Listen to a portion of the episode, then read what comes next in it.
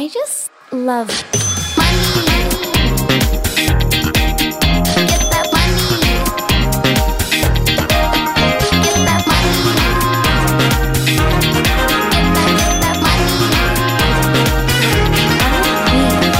Hjertelig velkommen til en ny episode av Karrierekvinner. I dag har jeg med meg en dame som jeg ser skikkelig opp til, og som har betydd mye for meg både privat og i min karrierereise. Hun jobber som mental coach, hun holder foredrag, har gitt ut flere bøker og har hjulpet mange, mange mennesker. Og jeg snakker selvfølgelig om Mariann Deila. Hjertelig velkommen hit. Tusen takk. Det er veldig hyggelig å ha deg her. Veldig hyggelig å være her. Jeg hadde lenge hatt lyst til å ha deg med, nå får ikke vi det til, så det er bra. Mm. Kan ikke du begynne å fortelle litt om eh, deg selv, og hvem du er, og hva du driver med? Ja, jeg er jo Porsgrunnsjente, da. Eh, Der bor jeg med mann og to barn og en liten hund, og driver mitt eget firma. Eh, Og jobben min, du er jo litt inne på det, men den består i å mm, bistå andre mennesker til eh, positive endringer. Og det er jo gjennom bevisstgjøring og systematisk mentalt arbeid.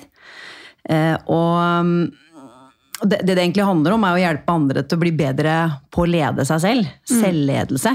Altså øke den der evnen til å kunne påvirke egne tanker, følelser og handlinger. For å få det enda bedre, og, og få tatt ut enda mer av potensialet sitt. Og det gjør jeg jo på ulike måter. Jeg jobber jo én-til-én med personer. Da jobber jeg med mennesker over tid, altså prosessuelt, målretta systematisk eh, coaching. Eh, Som jeg syns er veldig, veldig givende. Og så eh, er det da å undervise. Utdanner andre profesjonelle coacher, mentaltrenere, hos Mentalskolen. Og så hadde jeg foredrag og skriver. Variert. Gjør litt av hvert, for Ja, å si det så sånn. jobber på ulike plattformer. Det er målet er det samme, og det er jo det å hjelpe andre til positive endringer. Mm. Så um, ja. Og ellers så er jeg jo en uh, veldig altså, nysgjerrig og utviklingsorientert uh, person. Elsker å lære nye ting. Uh, litt sånn evig student. Og så, sånn sett elsker å drive for meg sjøl. At da kan jeg jo også justere kursen underveis, sånn at jeg kan gå dit interessen tar meg. Og i år er det faktisk eh, ti år siden jeg starta for meg selv. Og gjennom de ti åra så har jeg jo jobba med ulike ting, eller har tatt litt sånn ulike retninger, men jeg har hele tida fulgt uh, interessen min, da. Eh, og det, det passer meg veldig bra. Mm. Har du alltid hatt en trang til, eller et ønske om å hjelpe mennesker? Det er et godt spørsmål. Jeg har, jeg har nok alltid Jeg har alt, alt, alltid hatt en veldig interesse for andre mennesker. En genuin interesse for andre mennesker. og Jeg, jeg virkelig elsker å se andre lykkes. Altså det er eh, alltid hatt en veldig sånn evne til å kunne glede meg på andres vegne. Og opp igjennom så har også veldig mange kommet til meg. Altså av venner og hvis det har vært noe. Og det har kanskje noe, sånn sett så følte jeg jo at den rollen som coach mentaltrener den falt meg veldig naturlig. da. Det er jo et fag i seg selv. Men den delen av det som handler om å eh, møte mennesket der mennesket er, med en ikke-dømmende holdning, det faller meg veldig naturlig. Så, eh, så Ja. sånn sett kanskje ja. ja. Du har jo en, eh, Nå ser jo ikke mennesker deg, men de hører deg, og du har jo en aura som er veldig sånn, en trygg aura. Aura som gjør at man automatisk stoler på det du sier. Og det er sikkert en veldig fin egenskap som du sikkert bare er født med. Å, bare, å ha det som en sånn grunnpilar i coachingen. Da. Så det, det, Det var fint sagt, Ja, takk. Men, men du har det, det er virkelig. Men når folk kommer til deg, da, eh, til en én-til-én-coaching f.eks., hva er det altså sånn, hva er det de fleste Er det, er det noe flere spør Er det en, en ting som flere liksom vil ha hjelp til? Ja, uten tvil.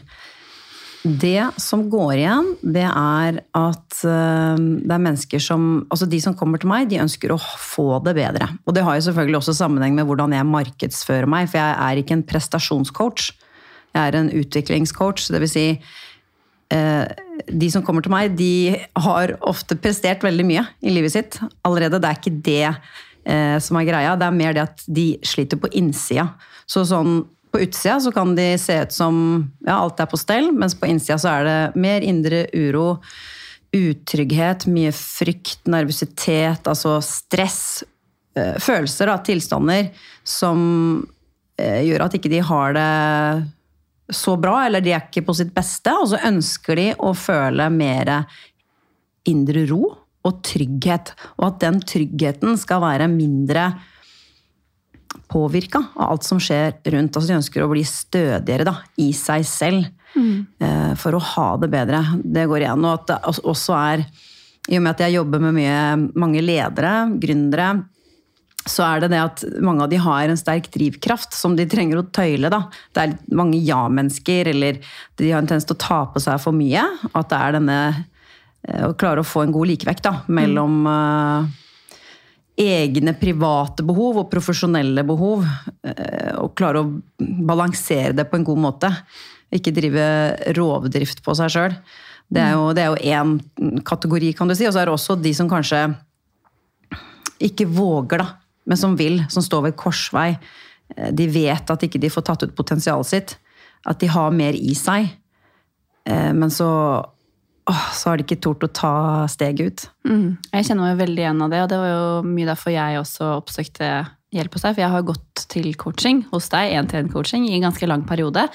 Og det er, jeg syns det passer perfekt at du er her i dag, for her er jo min siste episode for Karrierekvinner. Ja. ja. Nå er jeg ferdig som vikar, og det jeg ønsker å snakke om i dag, da, det er jo noe, et tema som for meg har vært veldig sånn relevant, dessverre, vil jeg si, og som fortsatt er det. Det er det med, med selvsabota- selv- selvsabotasje, da, og saboterer for eh, meg selv. For det, det har liksom vært en sånn veldig eh, Egentlig så var det du som gjorde meg bevisst på at det er det jeg har gjort da, veldig store deler av livet. Og det var jo derfor jeg mm, jeg kom til deg i en periode hvor jeg hadde fått, jeg hadde fått tre barn på ganske kort tid, og eh, var, følte meg litt sånn, eh, sånn Egentlig mye sånn som det du beskriver når jeg følte meg litt eh, eh, At jeg hadde gått meg litt vill da, i mitt eget liv. Og jeg kjente veldig på det du sier nå, med at jeg følte at det var noe mer for meg, men at jeg bare ikke helt turte liksom, å ta steget ut. da. Um, så jeg vil gjerne at vi skal snakke litt mer om altså, hva er selvsabotasje. Ja, det er jo veldig vanlig da, Anette. Mm, ja. det er jo det er en trøst oppi det hele, kanskje. Ja, det er en trøst.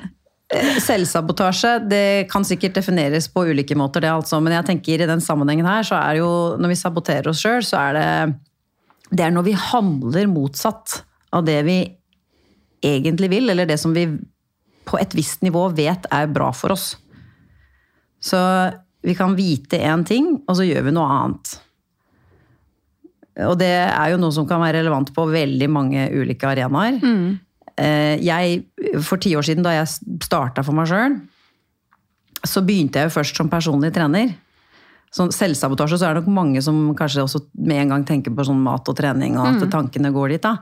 Men det var jo det da jeg fikk eh, ganske fort god erfaring med det, det som kalles for intensjonsatferdsgapet. Altså at du kan ha en intensjon eller et ønske om, no, om å oppnå noe,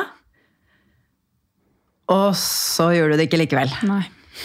Og det var jo det jeg oppdaga som personlig trener, eh, som var startpunktet. da, når jeg starta for meg sjøl, så var det det jeg begynte med. Da var det mange som kom og ville få hjelp sant, til å legge om kosthold og trene. Og jeg kunne jo lage de beste treningsprogrammene og kostholdsplanene, men det var jo ikke det som var problemet. For det er da det mentale hindringer som gjør at uh, vi saboterer oss sjøl. Og det var jo det som fikk meg inn på det mentale sporet i utgangspunktet. Det var jo for å bli en bedre PT, og så etter at jeg begynte å gå den veien, så, så blei det, ble det jo mer og mer av det mentale.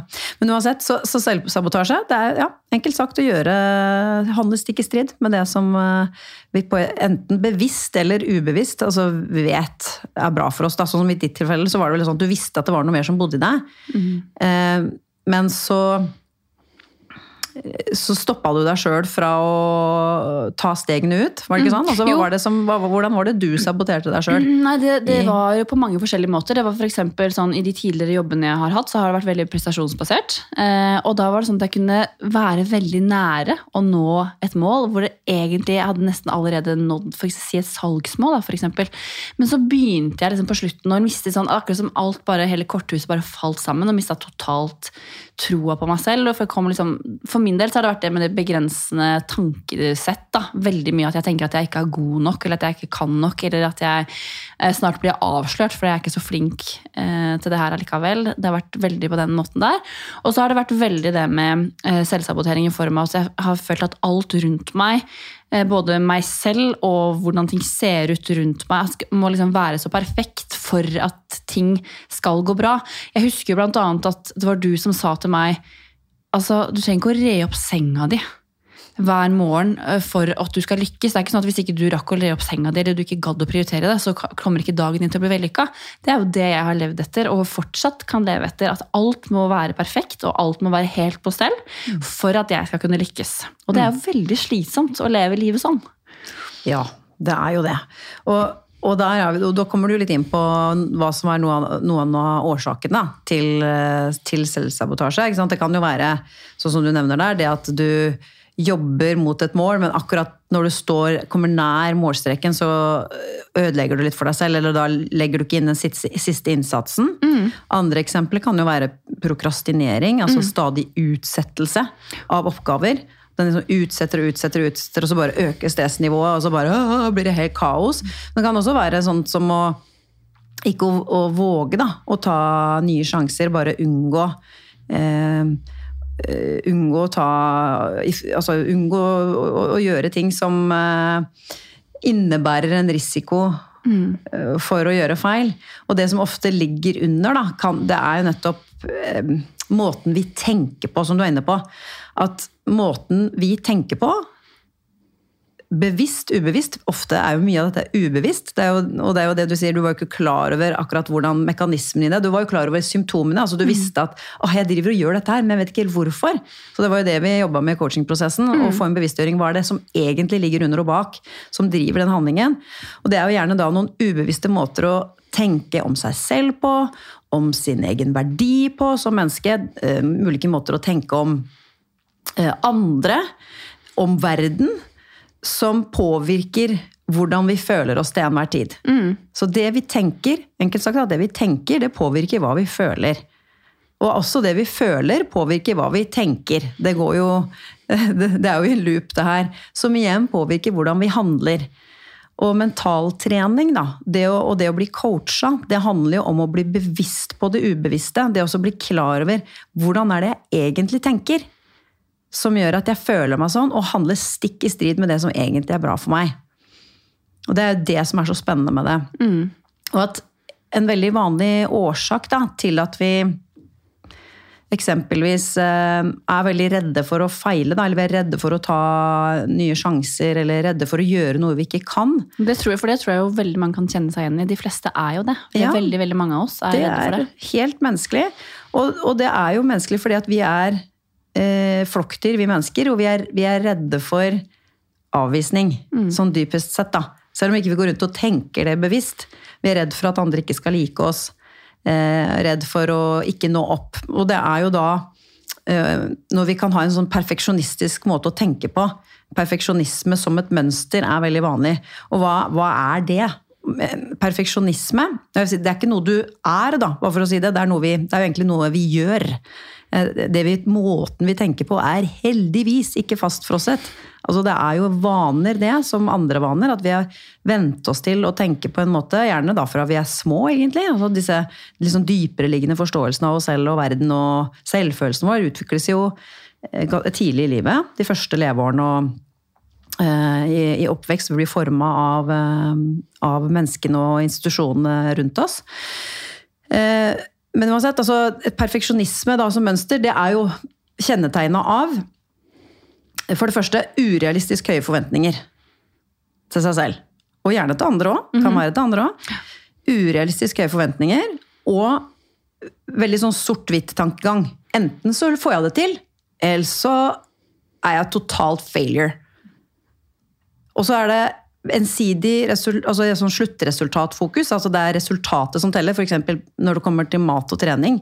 Så er jo det Ja, jeg må veie, jeg må veie det jeg veide før jeg fikk barn. Eh, uten at det kanskje er liksom eh, reflektert så mye over hvorfor. Jeg må veie det. Og så eh, eh, enten så Og, enten, og så skal bare handle, det handler kun om målet. Og at hvis ikke jeg da klarte å gå ned én kilo i uka, ja, da er det bare, eller hvis ikke jeg klarte å få trent de seks øktene som jeg hadde lagt opp, for da er det en urealistiske forventninger til hva man skal få til, da er alt bortkasta. Da er jeg bare helt Enten, enten så får jeg det til eller ikke. Hvis ikke jeg får den karakteren, får jeg noe Nei, da er bare alt drit. Så det er det. Og så er det et overfokus på feil og mangler.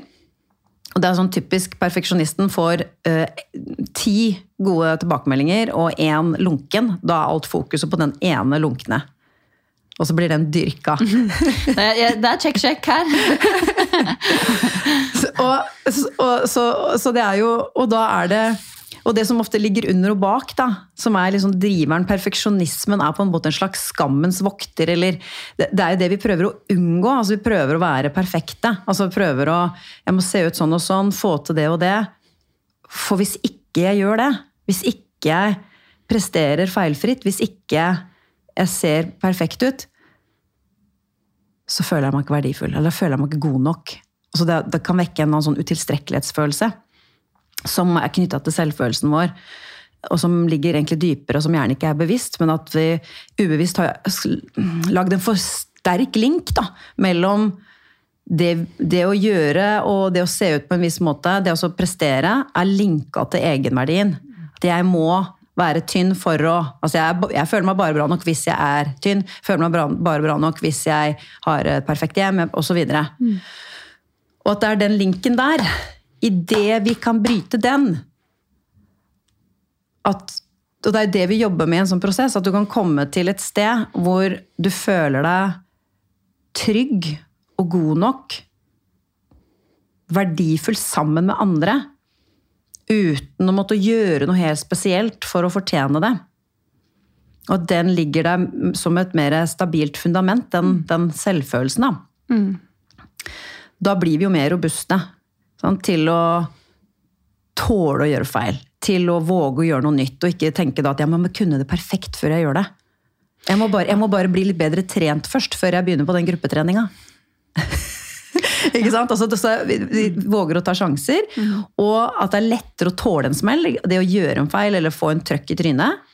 Og, og, eh, bare hoppe i det, ut i det ukjente. Da. Det, da mm. står jo ikke egenverdien på spill. Nei, jeg tror så utrolig mange kan kjenne seg inn i det du sier. Og i hvert fall jeg, når jeg kom til deg, så hadde jeg jo veldig veldig mye av det der med at jeg la verdien min i visse ting i livet. Og hvis ikke det var på stell, så var jeg da altså, satt på spissen verdiløs. da, Og at det lå så veldig mye frykt for meg i å bryte de mønstrene. Men så er det også, altså, jeg skal være helt ærlig og si at en del av det henger altså Jeg kjenner på det fortsatt, men jeg har også merka at det er helt fullt mulig å bryte, bryte, det ned. da. For For min del så lå det jo veldig mye i det du At jeg skal tørre å være ærlig nå på det. At det lå veldig mye i det med at ting rundt meg skulle være veldig jeg skulle ha det ryddig. Altså, jeg kunne liksom føle at hele dagen min raste om ikke det var ryddig og skikkelig pent rundt meg. Og også hvordan jeg selv så ut. At jeg måtte se fin ut, for jeg hadde liksom følt selv at jeg hadde bygd opp Det her er sånn, føles litt teit ut å snakke høyt om, men det er jo det jeg følte. At jeg hadde liksom bygd opp en sånn ramme for meg selv at jeg skulle liksom alltid se eh, sminka ut og ordna ut. Og da jobba jo vi sammen med en sånn liten filleting som det at jeg skulle bare øve meg på noe som sikkert for andre er altså det er ingenting, men bare sånn gjøre ting uten at jeg har stelt meg. Eh, mm. invitere folk hjem i huset uten at jeg hadde rydda. At det kunne se ut som et eh, helvete, for å være helt ærlig, for det mm. gjør det jo med tre barn. Og det er veldig deilig å kjenne, fordi for min del så har faktisk det gjort at jeg har fått nærere relasjoner til de rundt meg. Fordi de slapper jo mer av i mitt selskap, og de merker at jeg inviterer de mer inn i det ekte livet.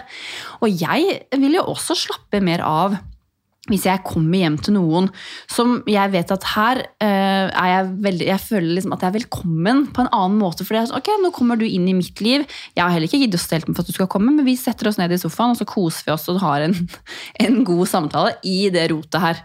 Og det er jo, altså det er, kan jo føles liksom far out for noen at jeg nevner det her, men for meg så har det vært Eh, på en måte en rot som har liksom utspilt seg i veldig veldig mange områder i livet mitt. da, På det med perfeksjonisme. Mm. Så jeg tenker, og jeg tror veldig mange andre også kan kjenne seg igjen i det. Og når vi snakker nå om det uh, Den podkasten her heter jo Karrierekvinner. Og mye av det som mange spør meg om, nå som jeg har turt da, å eh, satse for meg selv, og jeg aner ikke hvordan det kommer til å gå, men jeg hadde aldri turt det for to år siden. Aldri. Eh, Og jeg tror at mye av den jobben du og jeg gjorde sammen, er grunnen til at jeg har tørt å eh, jeg, eller tørt å hoppe ut i det, for jeg, jeg vet jo at jeg kommer til å feile, og jeg har feila allerede. Men at det kanskje ikke er så farlig. Du forholder, forholder deg, du forholder deg til det på en annen måte. Og jeg vil bare si at det er du som har gjort den jobben. da. Jeg Ja. har vært en fasilitator, bare. Og du, altså, og, så det er all ære til deg for den jobben du har lagt ned. Så vil jeg bare først si, si et par ting. Altså, det ene er, jeg tror at det du, eller jeg vet at det du nå snakker om, er så gjenkjennelig for, for deg, og for meg. Jeg, jeg har jo og min historie òg, ikke sant? Som, og, og, og mine mønstre, som også jeg jobber med i dag. For jeg syns det er veldig viktig det du sier. Ja, jeg kan fortsatt kjenne på det. Ja! Selvfølgelig! Og det, og det her er så viktig. Og jeg elsker at du snakker så åpent om det, Anette. Fordi at det, det handler om å ufarliggjøre det. Det er bare tanker og følelser og handlinger som kommer og går. Ikke sant? Og så har du tenkt på én måte i eh, kanskje 25 år, da. Eh, Eller ja, hvor gammel var du når du kom, eh, begynte å jobbe med det? 20, du var vel 30? Men altså, du har tenkt på én måte i veldig mange år. Det er ikke sånn, så er det bare foi, Nei, nei. Altså, I tillegg så er det jo mange styrker i mønstrene dine. Altså, det å så eh, Det er jo ikke noe gærent i å ville ha det pent rundt seg. Det er jo ikke noe gærent i å ville prestere. Altså Å ville ta ut sitt eget potensial eller, eller gjøre det beste ut av utseendet sitt. Det, det er jo ikke det vi snakker om. Det er jo mer det også eh, Når det blir rigid, det er jo da det kan bli et problem. Og at her, det du har gjort, jo, og det jeg har gjort også på, på mine mønstre, og jobber med hele tida, det er jo å øve opp den fleksibiliteten. Sånn at du kan velge. Sånn at det ikke blir sånn ja, men jeg må. Det må være sånn for at jeg skal føle meg bra. Men at, at du har kommet til et sted hvor du «Hå, I dag velger jeg å la det være rotete. Og så kanskje kjenner jeg på et litt ubehag. Det kan jeg akseptere, selv om ikke jeg liker det. Aksept er ikke å like, det er bare å erkjenne at sånn er det nå. Fordi du gjør det av en høyere grunn. Altså det har noe med da slapp, altså, slapp mer av, jeg kan bruke energien min på noe annet, jeg kan dra og trene i stedet. Sånn at det å ufarliggjøre, det er ikke Vi kan tenke en ting. Tanker er bare tanker. De kommer og går. Og fordi om du tenker en ting La oss si at du tenker at øh, Å, jeg tenker da at jeg er dum. Jeg er jo ikke dum fordi jeg tenker at jeg er dum. Eller hvis jeg føler meg dum òg. For vi skal ikke tro på følelsene våre heller alltid. Det er sånn, ja, Vi skal ta følelsene våre på alvor, men de kan være lunefulle. Fordi at de kan henge sammen forvrengt eh, tolkning. Som da, Hvis jeg skal tro på alt jeg føler ja ok, Så hvis jeg føler meg som en idiot, så er jeg en idiot, da? Og det er det som var farlig for meg, fordi det jeg begynte å gjøre, var at jeg ila jo andre de tankene som jeg hadde om meg selv. Så jeg tenkte at uh, hvis jeg ikke føler meg at, at jeg følte meg som en idiot, da, så tenkte jeg at det tenker du også om meg. Ja. Og det er jo det som er det farlige, for da begynner man jo å bygge opp et fengsel rundt seg selv. Hvor, man, hvor det ikke er noe Det er jo ikke noe godt å være i det fengselet, fordi ting blir uh, veldig blåst ut av proporsjoner. Og så, hva vet jeg, du kan sitte og tenke noe helt annet, og minst, eller høyst sannsynlig så sitter ikke du og tenker at jeg er en idiot.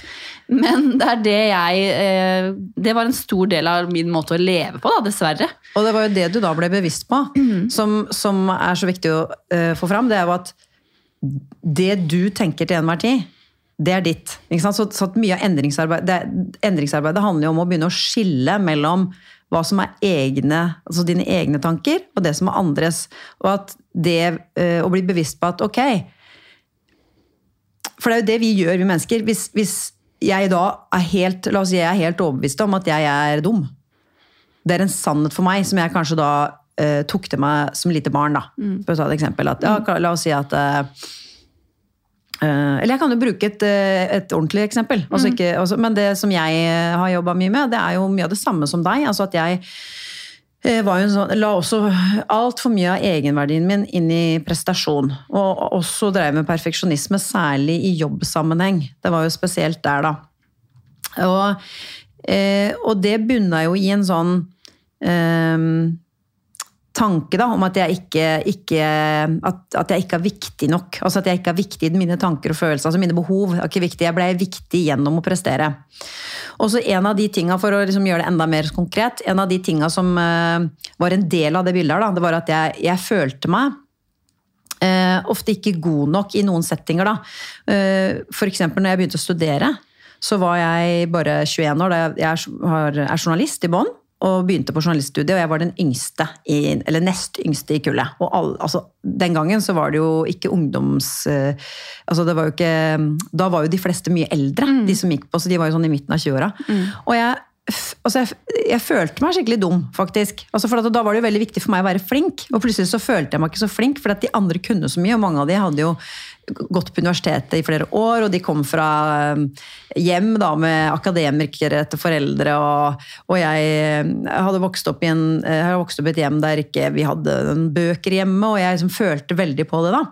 Og da kunne jeg føle meg, altså jeg følte både måten jeg snakket på, og, og alt for brei dialekt, og jeg kunne særlig i sånne liksom i sosiokulturelle miljøer føle meg skikkelig dum og, og underlegen.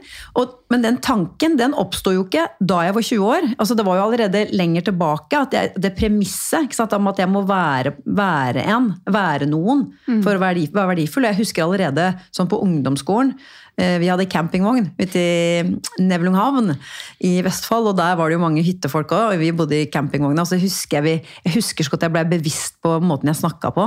Jeg møtte gutter, noen sånne ungdom, ungdommer fra Bærum da, og som lo av dialekta mi. Og det var første gang jeg egentlig ble bevisst på hm, har jeg brei dialekt. Uh, og jeg husker den der sånn skammen jeg følte, at jeg følte meg dum. Uh, så, så det her er jo linker som går langt tilbake i tid, men som da i, i voksen alder ble, blitt- kunne bli trigga i sånne settinger hvor det plutselig var folk som kanskje snakka pent eller snakka om eh, litteratur som ikke jeg hadde hørt om, eller så bare følte jeg meg som en superdust. Men jeg er jo ikke dust for det om jeg føler meg dust. Nei. Det henger jo bare sammen med en måte å tenke på, men da kunne jo jeg nettopp tenke det. De andre syns jo jeg er en dust. Og Hermin, hva tenker han om meg nå? Her kommer hun her, her- Harry dama, Harry dama fra Porsgrunn og snakker så breit. Eh, og jeg la jo da om dialekta mi litt, ikke sant? sånn at uh, snakka jo ikke eh, prøvde jo liksom lenge på, men jeg tenkte, Og de tenker sikkert det om meg. Og det er det som er hele poenget. At det blir en sånn slags Vi leiter etter bevis, ubevisst, da, på å få bekrefta våre egne sannheter om oss sjøl. Mens det, er jo, det lå jo hos meg. Akkurat som det lå hos deg. Og det er jo så frigjørende å finne ut av! For når du deilig. finner ut av det, så er det sånn Ja, men det kan jeg gjøre noe med! Hva jeg tenker om meg og mine holdninger, det, det kan jo jeg gjøre noe med. Det var jo jeg som dreiv og rangerte meg under andre, basert på sånne ytre kriterier. da. Det var, jo- det var jo ikke de. Eh, Og, og om de gjorde det, så that's none of my business. Hva de andre gjør. Jeg får ikke gjort en dritt med det. Det er jo det jeg begynte å jobbe med min relasjon til meg. Og bygge min trygghet. For jeg mener jo ikke det. At folk sin verdi skal rangeres over eller under hverandre basert på hvor eh, mye utdanning de har, f.eks. Og den, den holdningen der, det handler om at jeg måtte ta eierskap til den. Sånn velger jeg å se på meg sjøl, sånn velger jeg å se på verden. At folk er folk, og det tror jeg jo virkelig på, helt i dypet av hjertet. Å ta eierskap til det og begynne å skille mellom hva er mine tanker, hva er den andres tanker. Og så kan jeg, eh, ved å eh, praktisere disse verdiene mot meg selv og andre,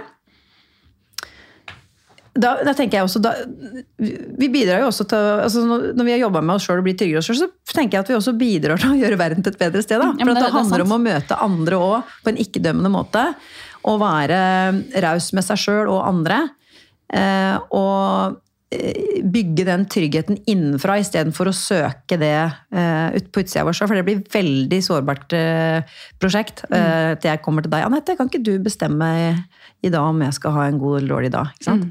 Det, er, det ligger hos, hos oss, da. Eh, og det er det som er så fint med det. Og det er det vi for- fort blir gjørende. Det blir som du sier at vi søker bekreftelse hos andre hele tiden. Og det blir, altså da lever man jo ikke s- autent- et eget autentisk liv. Da lever man jo bare på premisset som andre setter for deg. Og, det, og det er jo det jeg også har merket at når jeg har blitt mer tydelig, for jeg husker at vi og to også jobba med hva, og på en måte bare kartlegge hva mine grunnverdier er. Hva er, hva er mine grunnverdier? Eh, og når jeg vet at jeg gjør ting i tråd med de verdiene, så er det veldig mye lettere å, vi, og, ikke bry seg om hva andre måtte tenke og føle om det. Da. Og for meg så var det jo sånn, vi fant jo fort ut at For du, du har jo også lært meg litt det med, med triggere. At vi mennesker har jo triggere. Alle har triggere. Og for meg så var det det med når noen forteller meg at jeg er flink. Av en eller annen merkelig grunn så er det en trigger for meg. For at jeg har selvfølgelig på bakgrunn, det er, ikke, det er jo ikke bare jeg som har tillagt meg det, men sånn som jeg har vokst opp, så har jeg kanskje alltid vært flink, da. Eller sånn, satt, at, jeg, at ting har på en måte gått eh, bra, men, men det skal ikke sies at ikke jeg har hatt mine kamper, jeg heller, og mine ting. Men det har liksom blitt ilagt at jeg liksom skal være eh, alltid være flink. Og så har jeg begynt å legge all min verdi i at jeg må være så flink, og hvis ikke jeg er flink, så eh, går dette til eh, helvete. Og de, de kravene liksom stilte jeg så veldig veldig sterkt til meg selv. Men fy fader, så befriende det er. Og ikke være flink! og tørre å ikke være flink, for det, og tørre å feile. Og, og da også heller ikke stille så veldig høye krav til de rundt meg heller. Og bare, jeg er jo bare ansvarlig for meg selv. Og det er veldig befriende. Og der, det, er, det er ganske sånn livsendrende, da. Den prosessen som jeg har vært igjennom der fra jeg starta hos deg. Hvordan jeg tør å feile, og jeg også er veldig bevisst på at når noen sier til meg at jeg er flink, så kommer jo det fra et godt sted. Men at jeg vil ikke, være, jeg vil ikke leve livet mitt og være flink. Jeg vil leve livet mitt og være eh, uredd og, og tøff. Og jeg vil være, tørre å feile og dette på ræva og reise meg opp igjen. Og det er jo det livet jeg vil leve. Ja. Ja. Og, og der er du inne på noe viktig i den forstand at eh, sant, du, du, det ordet flink pleier du trigga av. Eh, fordi du hadde antagelig da kjent på en indre konflikt. Sånn at du, eh, fordi det, og det er jo sånn det kan være at vi, vi får en sånn forestilling om, om hvem vi må være for å bli akseptert av fellesskapet som små barn. Det kan jo være ja, jeg må være den omsorgsfulle. Den som alltid sier ja. Eh, nei, jeg må være flink, jeg. Altså, og vi trekker den konklusjonen da, basert på et barns sinn. altså Vi har jo ikke de kognitive funksjonene eh, som en voksen, og vi gjør det vi trenger for å tilpasse oss eh, når vi er barn. Og det er jo, er jo bra, det, men for å beskytte oss selv og holde oss trygge. da. Og så tenker vi at ja, jeg må være på en viss måte. Og så For din del så ble jo det en liksom, indre konflikt i det, for det var vel en del av deg da som tenkte at ja, men jeg, jeg vil ikke være altså, Jeg vil, jeg vil ikke være altså. flink. Og så fall, ja, fallhøyden ble jo så veldig stor også. Nettopp, og som igjen hang sammen med at du saboterte for deg sjøl. Ja. Fordi at eh, når du da nærma deg, og så var det nesten helt i innspurten på det, oss på salgstall kunne vinne salgkonkurransene, og så, og så eh, Som igjen da liksom, var et symptom på at ja, men eh, For at hvis du da hadde hvis, La oss si da at du hadde toppa den salgsstatistikken. Hva da? Mm, og det var jo det du utfordra meg mye på. For hva da? Fordi vi kommer vel egentlig fram til at jeg følte at jeg ikke fortjente å lykkes. Og det er jo trist. Men at det var jo egentlig det vi kom fram til. At jeg eh, hadde en sånn grunnfølelse. Og det går jo på selvfølelse. Mm. At jeg ikke fort, altså, jeg fortjente ikke den eh, seieren, da. Eller å komme dit. Og det er jo trist, men det er en veldig viktig eh, selvinnsikt å få, da. Ja, og i det selvfølelsen blir tryggere, det vil si at den følelsen av at jeg er nok, sånn som jeg er, med alle feil og mangler, vi har alle feil og mangler, eh, og med styr alle styrkene mine, altså eh, i det vi kan komme til en sånn selvaksept da, jeg er meg, med alt hva det innebærer, så spiller det jo ikke så stor rolle om du vinner den, eh, topper den salgsstatistikken, eller om du går på trynet. Det er jo smertefullt å gå på trynet, for all del. Eh, eh, men likevel blir det lettere å kunne reise seg, trekke ut læring, læringen og gå videre. Når ikke, istedenfor å bli nede i skammens kjeller i flere måneder, eller kanskje aldri tørre å ta sjansen igjen. Eh, og det er jo det som er eh, så fint med å jobbe med, med det indre. Da. Og da kommer vi litt inn på det som du var inne på i stad, med de karrierekvinnene, eller- de som har sk- skrevet inn til podkasten, som gjerne har lyst til å kanskje ta spranget og, som du var inne på i stad. Og et, du har jo vært inne på noe, noen av løsningene her. At, for jeg tenker jo Steg én handler jo om altså kanskje først da å definere helt tydelig hva er det du faktisk vil, og hvorfor. Og det er ikke alltid så lett å definere Nei. hva man vil. Det er det som jeg tror Nei, er, så, er så kanskje noen har en sånn Ja, jeg vet, det var vel litt sånn for deg at du visste at du ville noe annet, Ja. men du var jo ikke helt sikker på hva. Fordi at, øh, også fordi at øh, ja, det var mange ting som blanda seg inn. Sånn var det for meg når jeg, jeg har jobba tidligere som journalist, og så er jeg statsviter. Da jobba jeg i politiet som, med strategisk analyse i noen år. Og det var jo en lengre prosess i det der å skulle våge å, å satse og, og starte for meg sjøl. Men det begynte jo med at jeg ikke trivdes der jeg var. Ikke sant? At det er noe med, og det vil jeg tippe at det er for en del av de som lytter på podkasten nå. Ja, det tror jeg. Også at de, det er et eller annet med der de er nå, som åh, enten er kjedelig eller smertefullt eller no, noe du vil bort fra. Og det er jo greit. Men det er ofte ikke nok å bare vite at du skal bort fra noe. For å faktisk Du må jo også vite hva du vil. Hva, du, hva er det du beveger deg mot? Og det var det som var endringen for meg, når jeg skjønte at det og det, og det var jo før jeg egentlig hadde jobba med verdiene mine, og sånn, for det kom seinere. Eh, men det, det starta jo med at jeg visste, jeg visste at jeg ville noe mer. Og idet jeg skjønte at jeg, jeg vil jo hjelpe, andre bedre til et bedre liv. For jeg hadde selv vært gjennom en livsstilsendring og blitt veldig interessert i trening. Det var jo det som var starten på det. Og snakka om trening hele tida. Leste om trening, var lidenskapelig opptatt av det. Fikk masse spørsmål fra kollegaer på jobb, og jeg hjalp de, og jeg syntes det var så gøy. Og så begynte den tanken. Så, hm, kanskje jeg skal Nei! Jeg slo det i hjel før. Nei, jeg kan jo ikke det! Alle de åra på Blindern, og nei, jeg kan jo ikke det, og jeg har fast jobb i, i staten. Og så var det sånn Og så blei det kjedelig nok, da, der jeg var. Jeg, jeg var sånn Åh, orker ikke mer av dette byråkratiet. Lange møter som ikke fører til noe. Det er ikke fleksibelt. Åtte til fire hver dag, alle dager er helt like. Ja. Ja. I ettertid er det veldig lett å skjønne hvorfor jeg ikke syntes det var så gøy. Men det var jo når jeg skjønte at jeg kan gjøre en karrierevei ut av dette her. Det er mulig. Og jeg, jeg begynte å lage den der, jeg fikk en visjon om hva, hva slags PT jeg ville være, hvor jeg ville. Det var jo da jeg blei så sinnssykt motivert. Men det er jo ikke det samme som at jeg ikke var redd.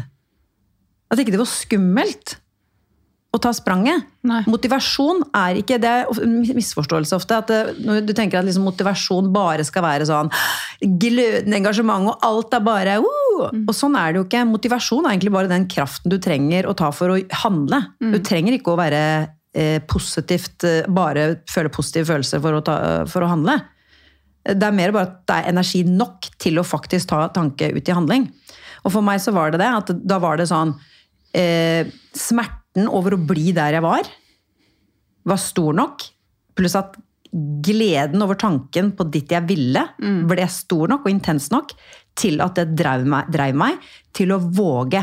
Og det å ha mot er jo ikke det samme som ikke å være redd. Nei. Du trenger jo ikke mot hvis ikke du er redd Nei. det å, det å være modig, det er jo å gjøre det selv om du er redd. Og kunne um, håndtere den frykten. Liksom, jeg husker jeg snakka med en Det er liksom morsomt å tenke på nå, for jeg hadde jo ikke gått til mentaltrening, og sånn selv, men jeg husker jeg snakka med venninna mi om det. At liksom, hei, frykt. Det er liksom Øvde på å liksom forholde meg til den følelsen og det ubehaget. Litt som en treningsøkt. ikke sant? At du, hvis du løper fire ganger fire eller løfter veldig tunge vekter, så er jo det en smerte i det. Men vi er jo ikke redde for den smerten, for vi vet at vi blir, blir i bedre form. Hvis du kan se på uh, emosjonelt ubehag også litt på samme måten at det, ok, dette er voksesmerter. Jeg, jeg, jeg vokser. Og så er det noe foran deg som er viktigere. Så det å definere hva vil du, og hvorfor, sånn at ikke det bare blir det du skal bort fra, det tenker jeg er et kjempeviktig steg. Og så er det da selvsabotasje som, du, som er liksom tema her, og, og hvordan kan vi få bukt med dette mønsteret av å perfeksjonere og, og skulle stille så sinnssykt høye krav til seg sjøl og ha nulltoleranse for feil. For feil, ja, altså da er jo det er jo det å øve på eh, å forholde seg til egne tanker og følelser på nye måter. Tanker kommer, og de går. Du kan tenke en selvkritisk tanke, men du kan klare å tenke en støttende tanke òg. Og så har vi en sånn tendens til å legge så stor vekt på den selvkritiske tanken. Det er, det er en tanke. Det, det er, jeg tipper du får sikkert sånn tanke fortsatt, Anette. At 'å, nå burde jeg rydde', eller 'å, så, å, så teit det er at jeg ikke har uh, gjort det ditt eller datt'. Eller at det kommer en eller annen sånn tanke som er egentlig et ekko fra en gammel måte å tenke på. Det er daglig så kommer Ja. de. Mm. Det er jo ikke det som er, på en måte er problemet. Problemet hadde vært hvis du hadde dyrka den tanken. Men du bare legger merke til at den kommer, kommer og så lar den komme og gå. Ikke sant? Så, og, og Samme med at vi kan liksom, okay, være mer nysgjerrig og undrende til følelsene istedenfor bare automatisk tenke at å ja, fordi jeg er redd, så er det vel farlig, da. Eh, De fleste som lytter til denne podkasten, har sikkert vært redde i sitt liv. og Sånn som f.eks. fly. da, Mange som er redde for det. Ja, ja. Jeg, altså jeg har sittet i et fly og jeg har vært redd, og jeg har sett for meg begravelsen min, jeg har sett for meg flyet dette ned og alt, men jeg detter jo ikke ned for det. Så det er jo mer det bare hmm, hva, hva er triggeren min her? Hva, hva er det som trigger meg? Hva er det, hva er, hva er det, hva er det jeg egentlig tenker som gjør at jeg føler den følelsen? Og for min del så var det den derre å skulle bli så synlig. Eh, For jeg hadde vært journalist, og så var jeg statsviter, men jeg var eh, analytiker i politiet, og det var sånn rolle. Så jeg var jo en del i media, og sånn, også som analytiker, men det var i kraft av rollen min. Og da var jeg jo sånn seriøs analytiker, jeg var- og jeg var seriøs journalist. Jeg var liksom så skulle, Ikke sant? Men så skulle jeg plutselig liksom bli PT, da. Ja, og være mer deg, Ja, kanskje. ja, ja, Mm. og være meg. og- det var ingenting å gjemme meg bak. Jeg hadde ikke noen rolle. Det var liksom This is me. Og skulle ut og bare Og mange hadde masse meninger om det. Hæ? Mange tenkte jo veldig smått. Mm. Hæ? Skal du bli hva- Ja vel? Og, liksom, og, så, og jeg eh, tenkte ja, ja. Men det, det gikk fint. Det var, det var jo litt ubehagelig. Men samtidig så visste jeg inni meg at jo, men jeg, altså jeg visste, jeg hadde en sånn følelse av at dette her kom til å gå. Um, det kunne, jeg visste at det kunne ta tid, men allikevel så var det liksom det derre Altså det drivet da, mot noe nytt. Mm. Jeg føler du beskriver den situasjonen jeg står i nå. Det Ja. Du setter veldig ord på det som jeg også øh, føler. Ja. Men hvordan gjorde du det da konkret da for å når du, vet, eller når du visste på det tidspunktet at folk var litt sånn Å, herre min, nå skal hun gjøre det, liksom. Eh, hva, gjorde du noen konkrete grep da, eller fortsatte du bare å stå i din tro på at det skulle gå fint? Det, dette her var jo før eh, jeg hadde tatt coachutdanninga, for det her er jo, var jo i 2013 da. Jeg husker at jeg var eh, litt sår. Jeg, jeg var litt sånn eh, At jeg brukte litt energi på det. Litt sånn øh, så, så at liksom, ja, det er dårlig gjort og litt sånn, istedenfor å kanskje bare tenke at ja, men i dag ville jeg jo tenkt ja, men de, ut- de snakker bare ut ifra sitt ståsted. Da, altså, Men jeg syns det er deilig at, at. Unnskyld, nå avbrøt jeg deg. Ja, ja, men de har en god intensjon da, sant, med det de sier, istedenfor å tenke at eh, Og de prøver å dra meg ned, og det var jo ikke det som Sånn som hadde mm, mora mi, for eksempel, da, som sa sånn Ja, men kommer du til å få kunder, da? Kommer det til å gå bra, da? Og jeg husker jeg blei litt sånn har du ikke trua på meg, eller? Altså Dårlig gjort. Litt sånn. Mens mamma jeg må huske på at mamma kommer fra et helt annet sted. Hun, hun har jo vokst opp uten, eh, altså, i fattigslige kår. og had, har, det er, Så trygghet, økonomisk trygghet er en mye viktigere verdi for henne enn det det har vært for meg, som har hatt jeg har trengt. alltid. Sånn at eh, nå har jeg jo en evne til å sette meg mye mer inn i den andre ståsted og ikke ta det personlig. Mens den gangen så tok jeg det nok litt personlig, så jeg ble litt sår. Men det gjorde jo ikke at jeg ga opp drømmen min for det. Men jeg brukte nok en del energi på det. Ja. Men jeg syns det er fint å høre også, for jeg, jeg syns at veldig mange som har lykkes da, i, i med det de Eller når har man lykkes, det er jo også vanskelig å definere, men som, som har turt å satse på en drøm da, og fulgt, eh, fulgt sine drømmer og ønsker og mål. Det, jeg synes at Ofte så kommer det fram som at det liksom har falt så lett for mange. At, det er at de er en viss personlighetstype da, Yes. som er litt mer sånn stålhoder, eller hva man sier.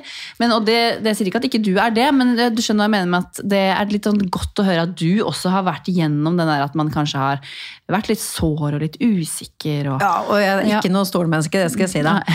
Og, og det er det jo ingen som er. Nei. Og det perfekte, det fins ikke. Nei. Så, og, da, og med det så tenker jeg da er vi litt inne du kom, det, det du sier der, det bringer oss egentlig inn på flere løsninger. Sant? For det jeg snakka om nå, er det å bli bevisst på hva du vil. Det å begynne å bli mer undrende til egne tanker og følelser, og ikke ta de så på alvor. Begynne å kunne øve på å ta et steg ut. Liksom, ok, hva er det som trigga meg her? Og så er det eh, det også eh, opparbeide en større aksept for egen feilbarlighet. Det å akseptere, det er jo et stort eh, begrep innenfor psykologien. altså Psykologisk aksept. Det er jo ikke eh, Mange misforstår at å akseptere det er å gi opp eller å resignere, eller at du må like det eller tilgi. Eller, det er ikke det det er. Det er mer å tåle. Altså tåle eller erkjenne at uh, vi har noen tendenser i oss, tilbøyeligheter kanskje som vi ikke liker. Noen, noen styrk, egenskaper eller eh, måter å tenke på. At innimellom tenker vi sånn, føler sånn, som vi kanskje ikke liker, men som vi kan øve på bare Ok, sånn er det nå. Og nå føler jeg en trang til å perfeksjonere, f.eks. Eller nå, nå Oi, nå, nå er jeg veldig selvkritisk, ja. Eh, Uten å dømme det, uten å dømme de tankene og følelsene. For at da legger vi kritikk oppå kritikk. Hva skjer da? Ja, Det blir jo bare dobla. Mer kritikk. Ja, for det har jeg merket når du har lært meg det, at hvis jeg bare tør å stå litt i de vonde følelsene, så er det akkurat som at eh, de sprekker litt fortere. Yes. Fordi at man ikke dyrker de, så varer det ikke like lenge. At jeg bare prøver å tenke, vet du hva, ja, nå har jeg det suget i magen, og nå syns jeg det er dritt. Men at jeg tør å på en måte gå litt, tillate meg å tørre å gå litt sånn, bare sånn, la det være. Og så føler jeg da at det forsvinner fortere. Det er som en bølge. Og for hvis du blir redd for din egen frykt, da blir det mer frykt. Eller hvis du blir irritert på at du er Nei, nå, nå er jeg redd for å gå og gjøre det. Fy søren, så teit jeg er. Som er redd. Herlighet, så teit jeg er. Eh, Og så blir det jo bare, da blir det jo, det er jo sånn vi overvelder oss sjøl, men idet vi kan, sant, som du sier da, legge aksept oppå det, eller, så, så bygger aksept bygger bro da, til mer ro. Og det er ikke sånn at ubehaget nødvendigvis da går bort helt, men det går fortere over. Og det blir lettere å håndtere, sånn at du klarer å tenke klare. Og da, så det å øve på, og det, det å øve på aksept, det er jo sånn du gjør når du beskrev i stad at eh, ja, ja, jeg lar den senga Det er litt sånn skuldertrekk. Ja, ja, den, senga gidder jeg ikke å reie opp. Eller ja, nå er det rotete. Jeg liker det kanskje ikke, men sånn er det. Jeg kjenner det stikker, men jeg kan fortsatt klare å gå ut den døra og tenke at jeg kan klare å ha en god arbeidsdag for det. Og så ødelegger det ikke hele dagen. ikke Nei. sant? Det, det er det som er forskjellen. Og, og da, eh, Og så er det da en annen ting som du var inne på i stad. Det her med Hva var det du sa? Mange som tror at du må være en viss personlighetstype for å lykkes. Da, hvis, eh, og det er jo klassisk fastlåst låst tankegang. Det vil si en sånn tanke om at vi er født sånn, blitt sånn.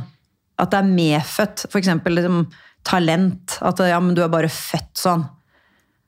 Og det er sikkert noen som kjenner seg igjen i det. Nei, jeg er ikke en sånn type, jeg. Og Det jeg pleide å si til meg sjøl, vet du hva det var, Anette? Nei. Jeg er ikke typen til å holde foredrag. Ja. Det var, jeg er ikke typen til å snakke uten et manus foran meg. Nå lever du en stor del av å gjøre det. Ja, Men jeg var ganske sikker på det. Altså, at, og det er jo noen tidligere erfaringer og konklusjoner jeg trakk ut av det da. Eh, blant annet en audition jeg var på, en radioaudition, jeg er jo radiojournalist i band, som var helt sånn katastrofal. Eh, hvor jeg fikk helt jernteppe, og jeg ble intervjua av Hans-Wilhelm Steinfeld på direkten. Jeg visste jo ikke eh, Det var ikke sikkert de som lytter vet hvem han er, men han var sånn skikkelig sånn eh, journalist med stor J da, i NRK. Eh, utenrikskorrespondent og bergenser. Og jeg bare fikk helt Det var helt krise. Hvor jeg gikk Jeg var 22-23 noe sånt, og gikk ut fra den auditionen og tenkte jeg skal aldri, aldri, aldri, aldri være med på noe sånt igjen. Jeg er ikke en sånn programledertype. Punktum. Og så blei det en sannhet. Men det er fastlåst tankegang. Ikke sant? At må, du må være akkurat som du er født som blitt sånn. Og det, hva, hva er medisinen mot det? Jo, Vekstorientert tankesett. Vekstorientert tankesett som er egentlig på mange måter motsatsen til perfeksjonismen. Altså det er Du er ikke født sånn eller sånn. Alle er født med et, selvfølgelig, et sett med egenskaper, og vi blir født med en personlighet. Så det er noen som kan ha mer musikalitet i seg, eksempel, eller mer atletisk altså genetisk sett. Da, fra, Men i et vekstorientert tankesett så fokuserer vi på vekstpotensialet. At det er øving. Prøving, feiling, læring over tid som gjør at vi blir gode på noe. Og at hvis du ser en person er veldig god på noe, så er det fordi de har øvd. Det er fordi de har tort å gjøre feil. Det er, eh, og det er en helt annen måte å tenke på. Eh, og det, det stammer jo fra en som heter Carol Dweck, som er en amerikansk psykolog, og hun har forska på dette her i mange tiår. Så det er ikke noe bare sånn eh, som blir tatt ut av løse lufta, men som viser at eh, barn, da, det er mye studert, eller mye på barn, barn som ø, utvikler et vekstorientert tankesett, som betyr sånn Ok, jeg kan alltid øve med det jeg har, og bli bedre ut fra det ståstedet jeg har, gjennom interesse og øving. De blir mer robuste i livet, de setter seg høyere mål, de tåler motgang bedre, de blir mer utholdende, og de har det bedre i livet sitt. Og det kan oppsummeres i én setning. The power of yet. The power of yet. Som var en, altså hun, Carol Dweck snakker om på en TED-talk om en skole i Chicago. Der alle studentene var sånn at hvis de, de måtte få 85 av 100 for å stå. Hvis de fikk under 85 poeng, så fikk de karakteren not yet. Ja. De strøyk ikke. Tenk over det. Er ikke det fint? Jeg fikk gåsehud av det, faktisk. Ja. For hvis du får stryk, så er det akkurat som ikke du har lært noe. Mens not yet peker inn i framtida. Mot mulighetene. Altså, du er ikke der ennå. du er på vei. Steg for steg. Sånn at det er ikke enten-eller. Og for, for den som, skal, som lytter nå, som kanskje har lyst til å hoppe ut i det, du trenger jo ikke å kunne det på forhånd. Og det er normalt å kjenne frykt. Så kan du øve på å gjøre det likevel, men bryte det ned i små steg. For det også gjør vi ofte, vi gjør det så stort. Hva er det første ene steget du kan ta? Og ha med deg det at 'jeg øver'. Er det noe ikke du kan, så kan Nei, du kan det ikke ennå. Not yet. The power of yet. Så kan du jobbe deg gradvis. Og da er det faktisk en verdi i dette vekstorienterte tankesettet. Det er en verdi å gjøre feil. Fordi det er sånn vi lærer. Det er jo de vi husker best, da. De lærdommene der. Etter at vi har gått på trynet. Selv om det kan være vondt eh, og kjipt der og da, så er det likevel det vi lærer av. Det er sånn vi blir bedre. ikke sant? Og det blir lettere å ta imot feedback istedenfor å ta, tol tolke det personlig som kritikk. Ta til seg tilbakemeldinger. Eh, ikke fra hvem som helst, men være litt sånn kritisk godt til hvem du får ta tilbakemelding fra. Ikke, det må jo være konkret, den tilbakemeldingen. Hvis jeg sier til deg jeg ga deg et kompliment i stad, før vi begynte. Eh, hvis jeg hadde bare sagt ja, du er en veldig flink programleder, Anette. Punktum. Hadde du lært noe av det? Nei, for da vet jeg ikke hva, hva jeg eventuelt var flink på. Men når jeg konkretiserte det, så at måten du stiller oppfølgingsspørsmål på, holder i trådene, og legger, la merke til at du eh, hørte hva den du snakka med sa, og så mata du tilbake til personen, og så stilte du spørsmål basert på det. Da det forteller meg at du er en aktiv lytter. Det er konkret. Så, eh, så det handler jo også om å, å lære seg at eh, tilbakemeldinger Hvis ikke du kan lære av tilbakemeldingene du får, så kan du bare la de seile videre.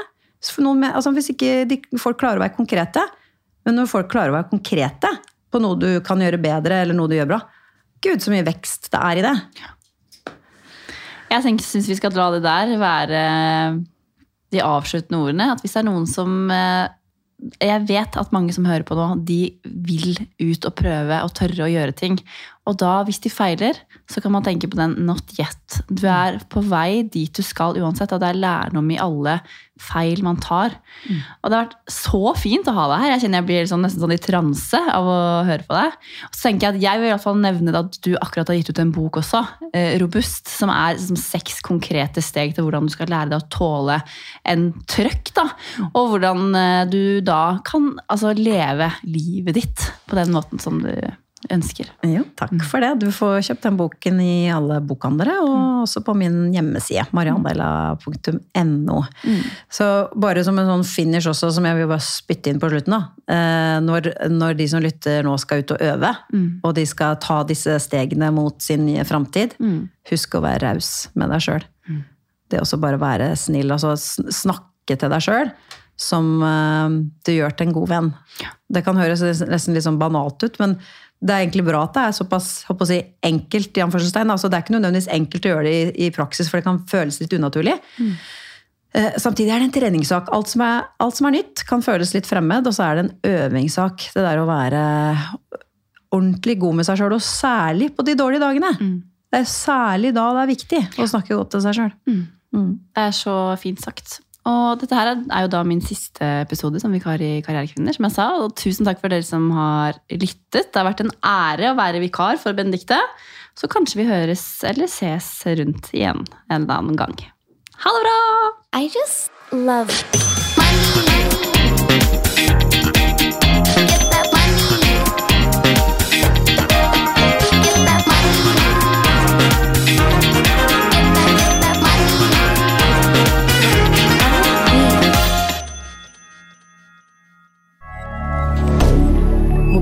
Media. Har du et enkeltpersonforetak eller en liten bedrift? Da er du sikkert lei av å høre meg snakke om hvor enkelt det er med kvitteringer og bilag i fiken, så vi eh, gir oss her, vi. Fordi vi liker enkelt. Fiken superenkelt regnskap.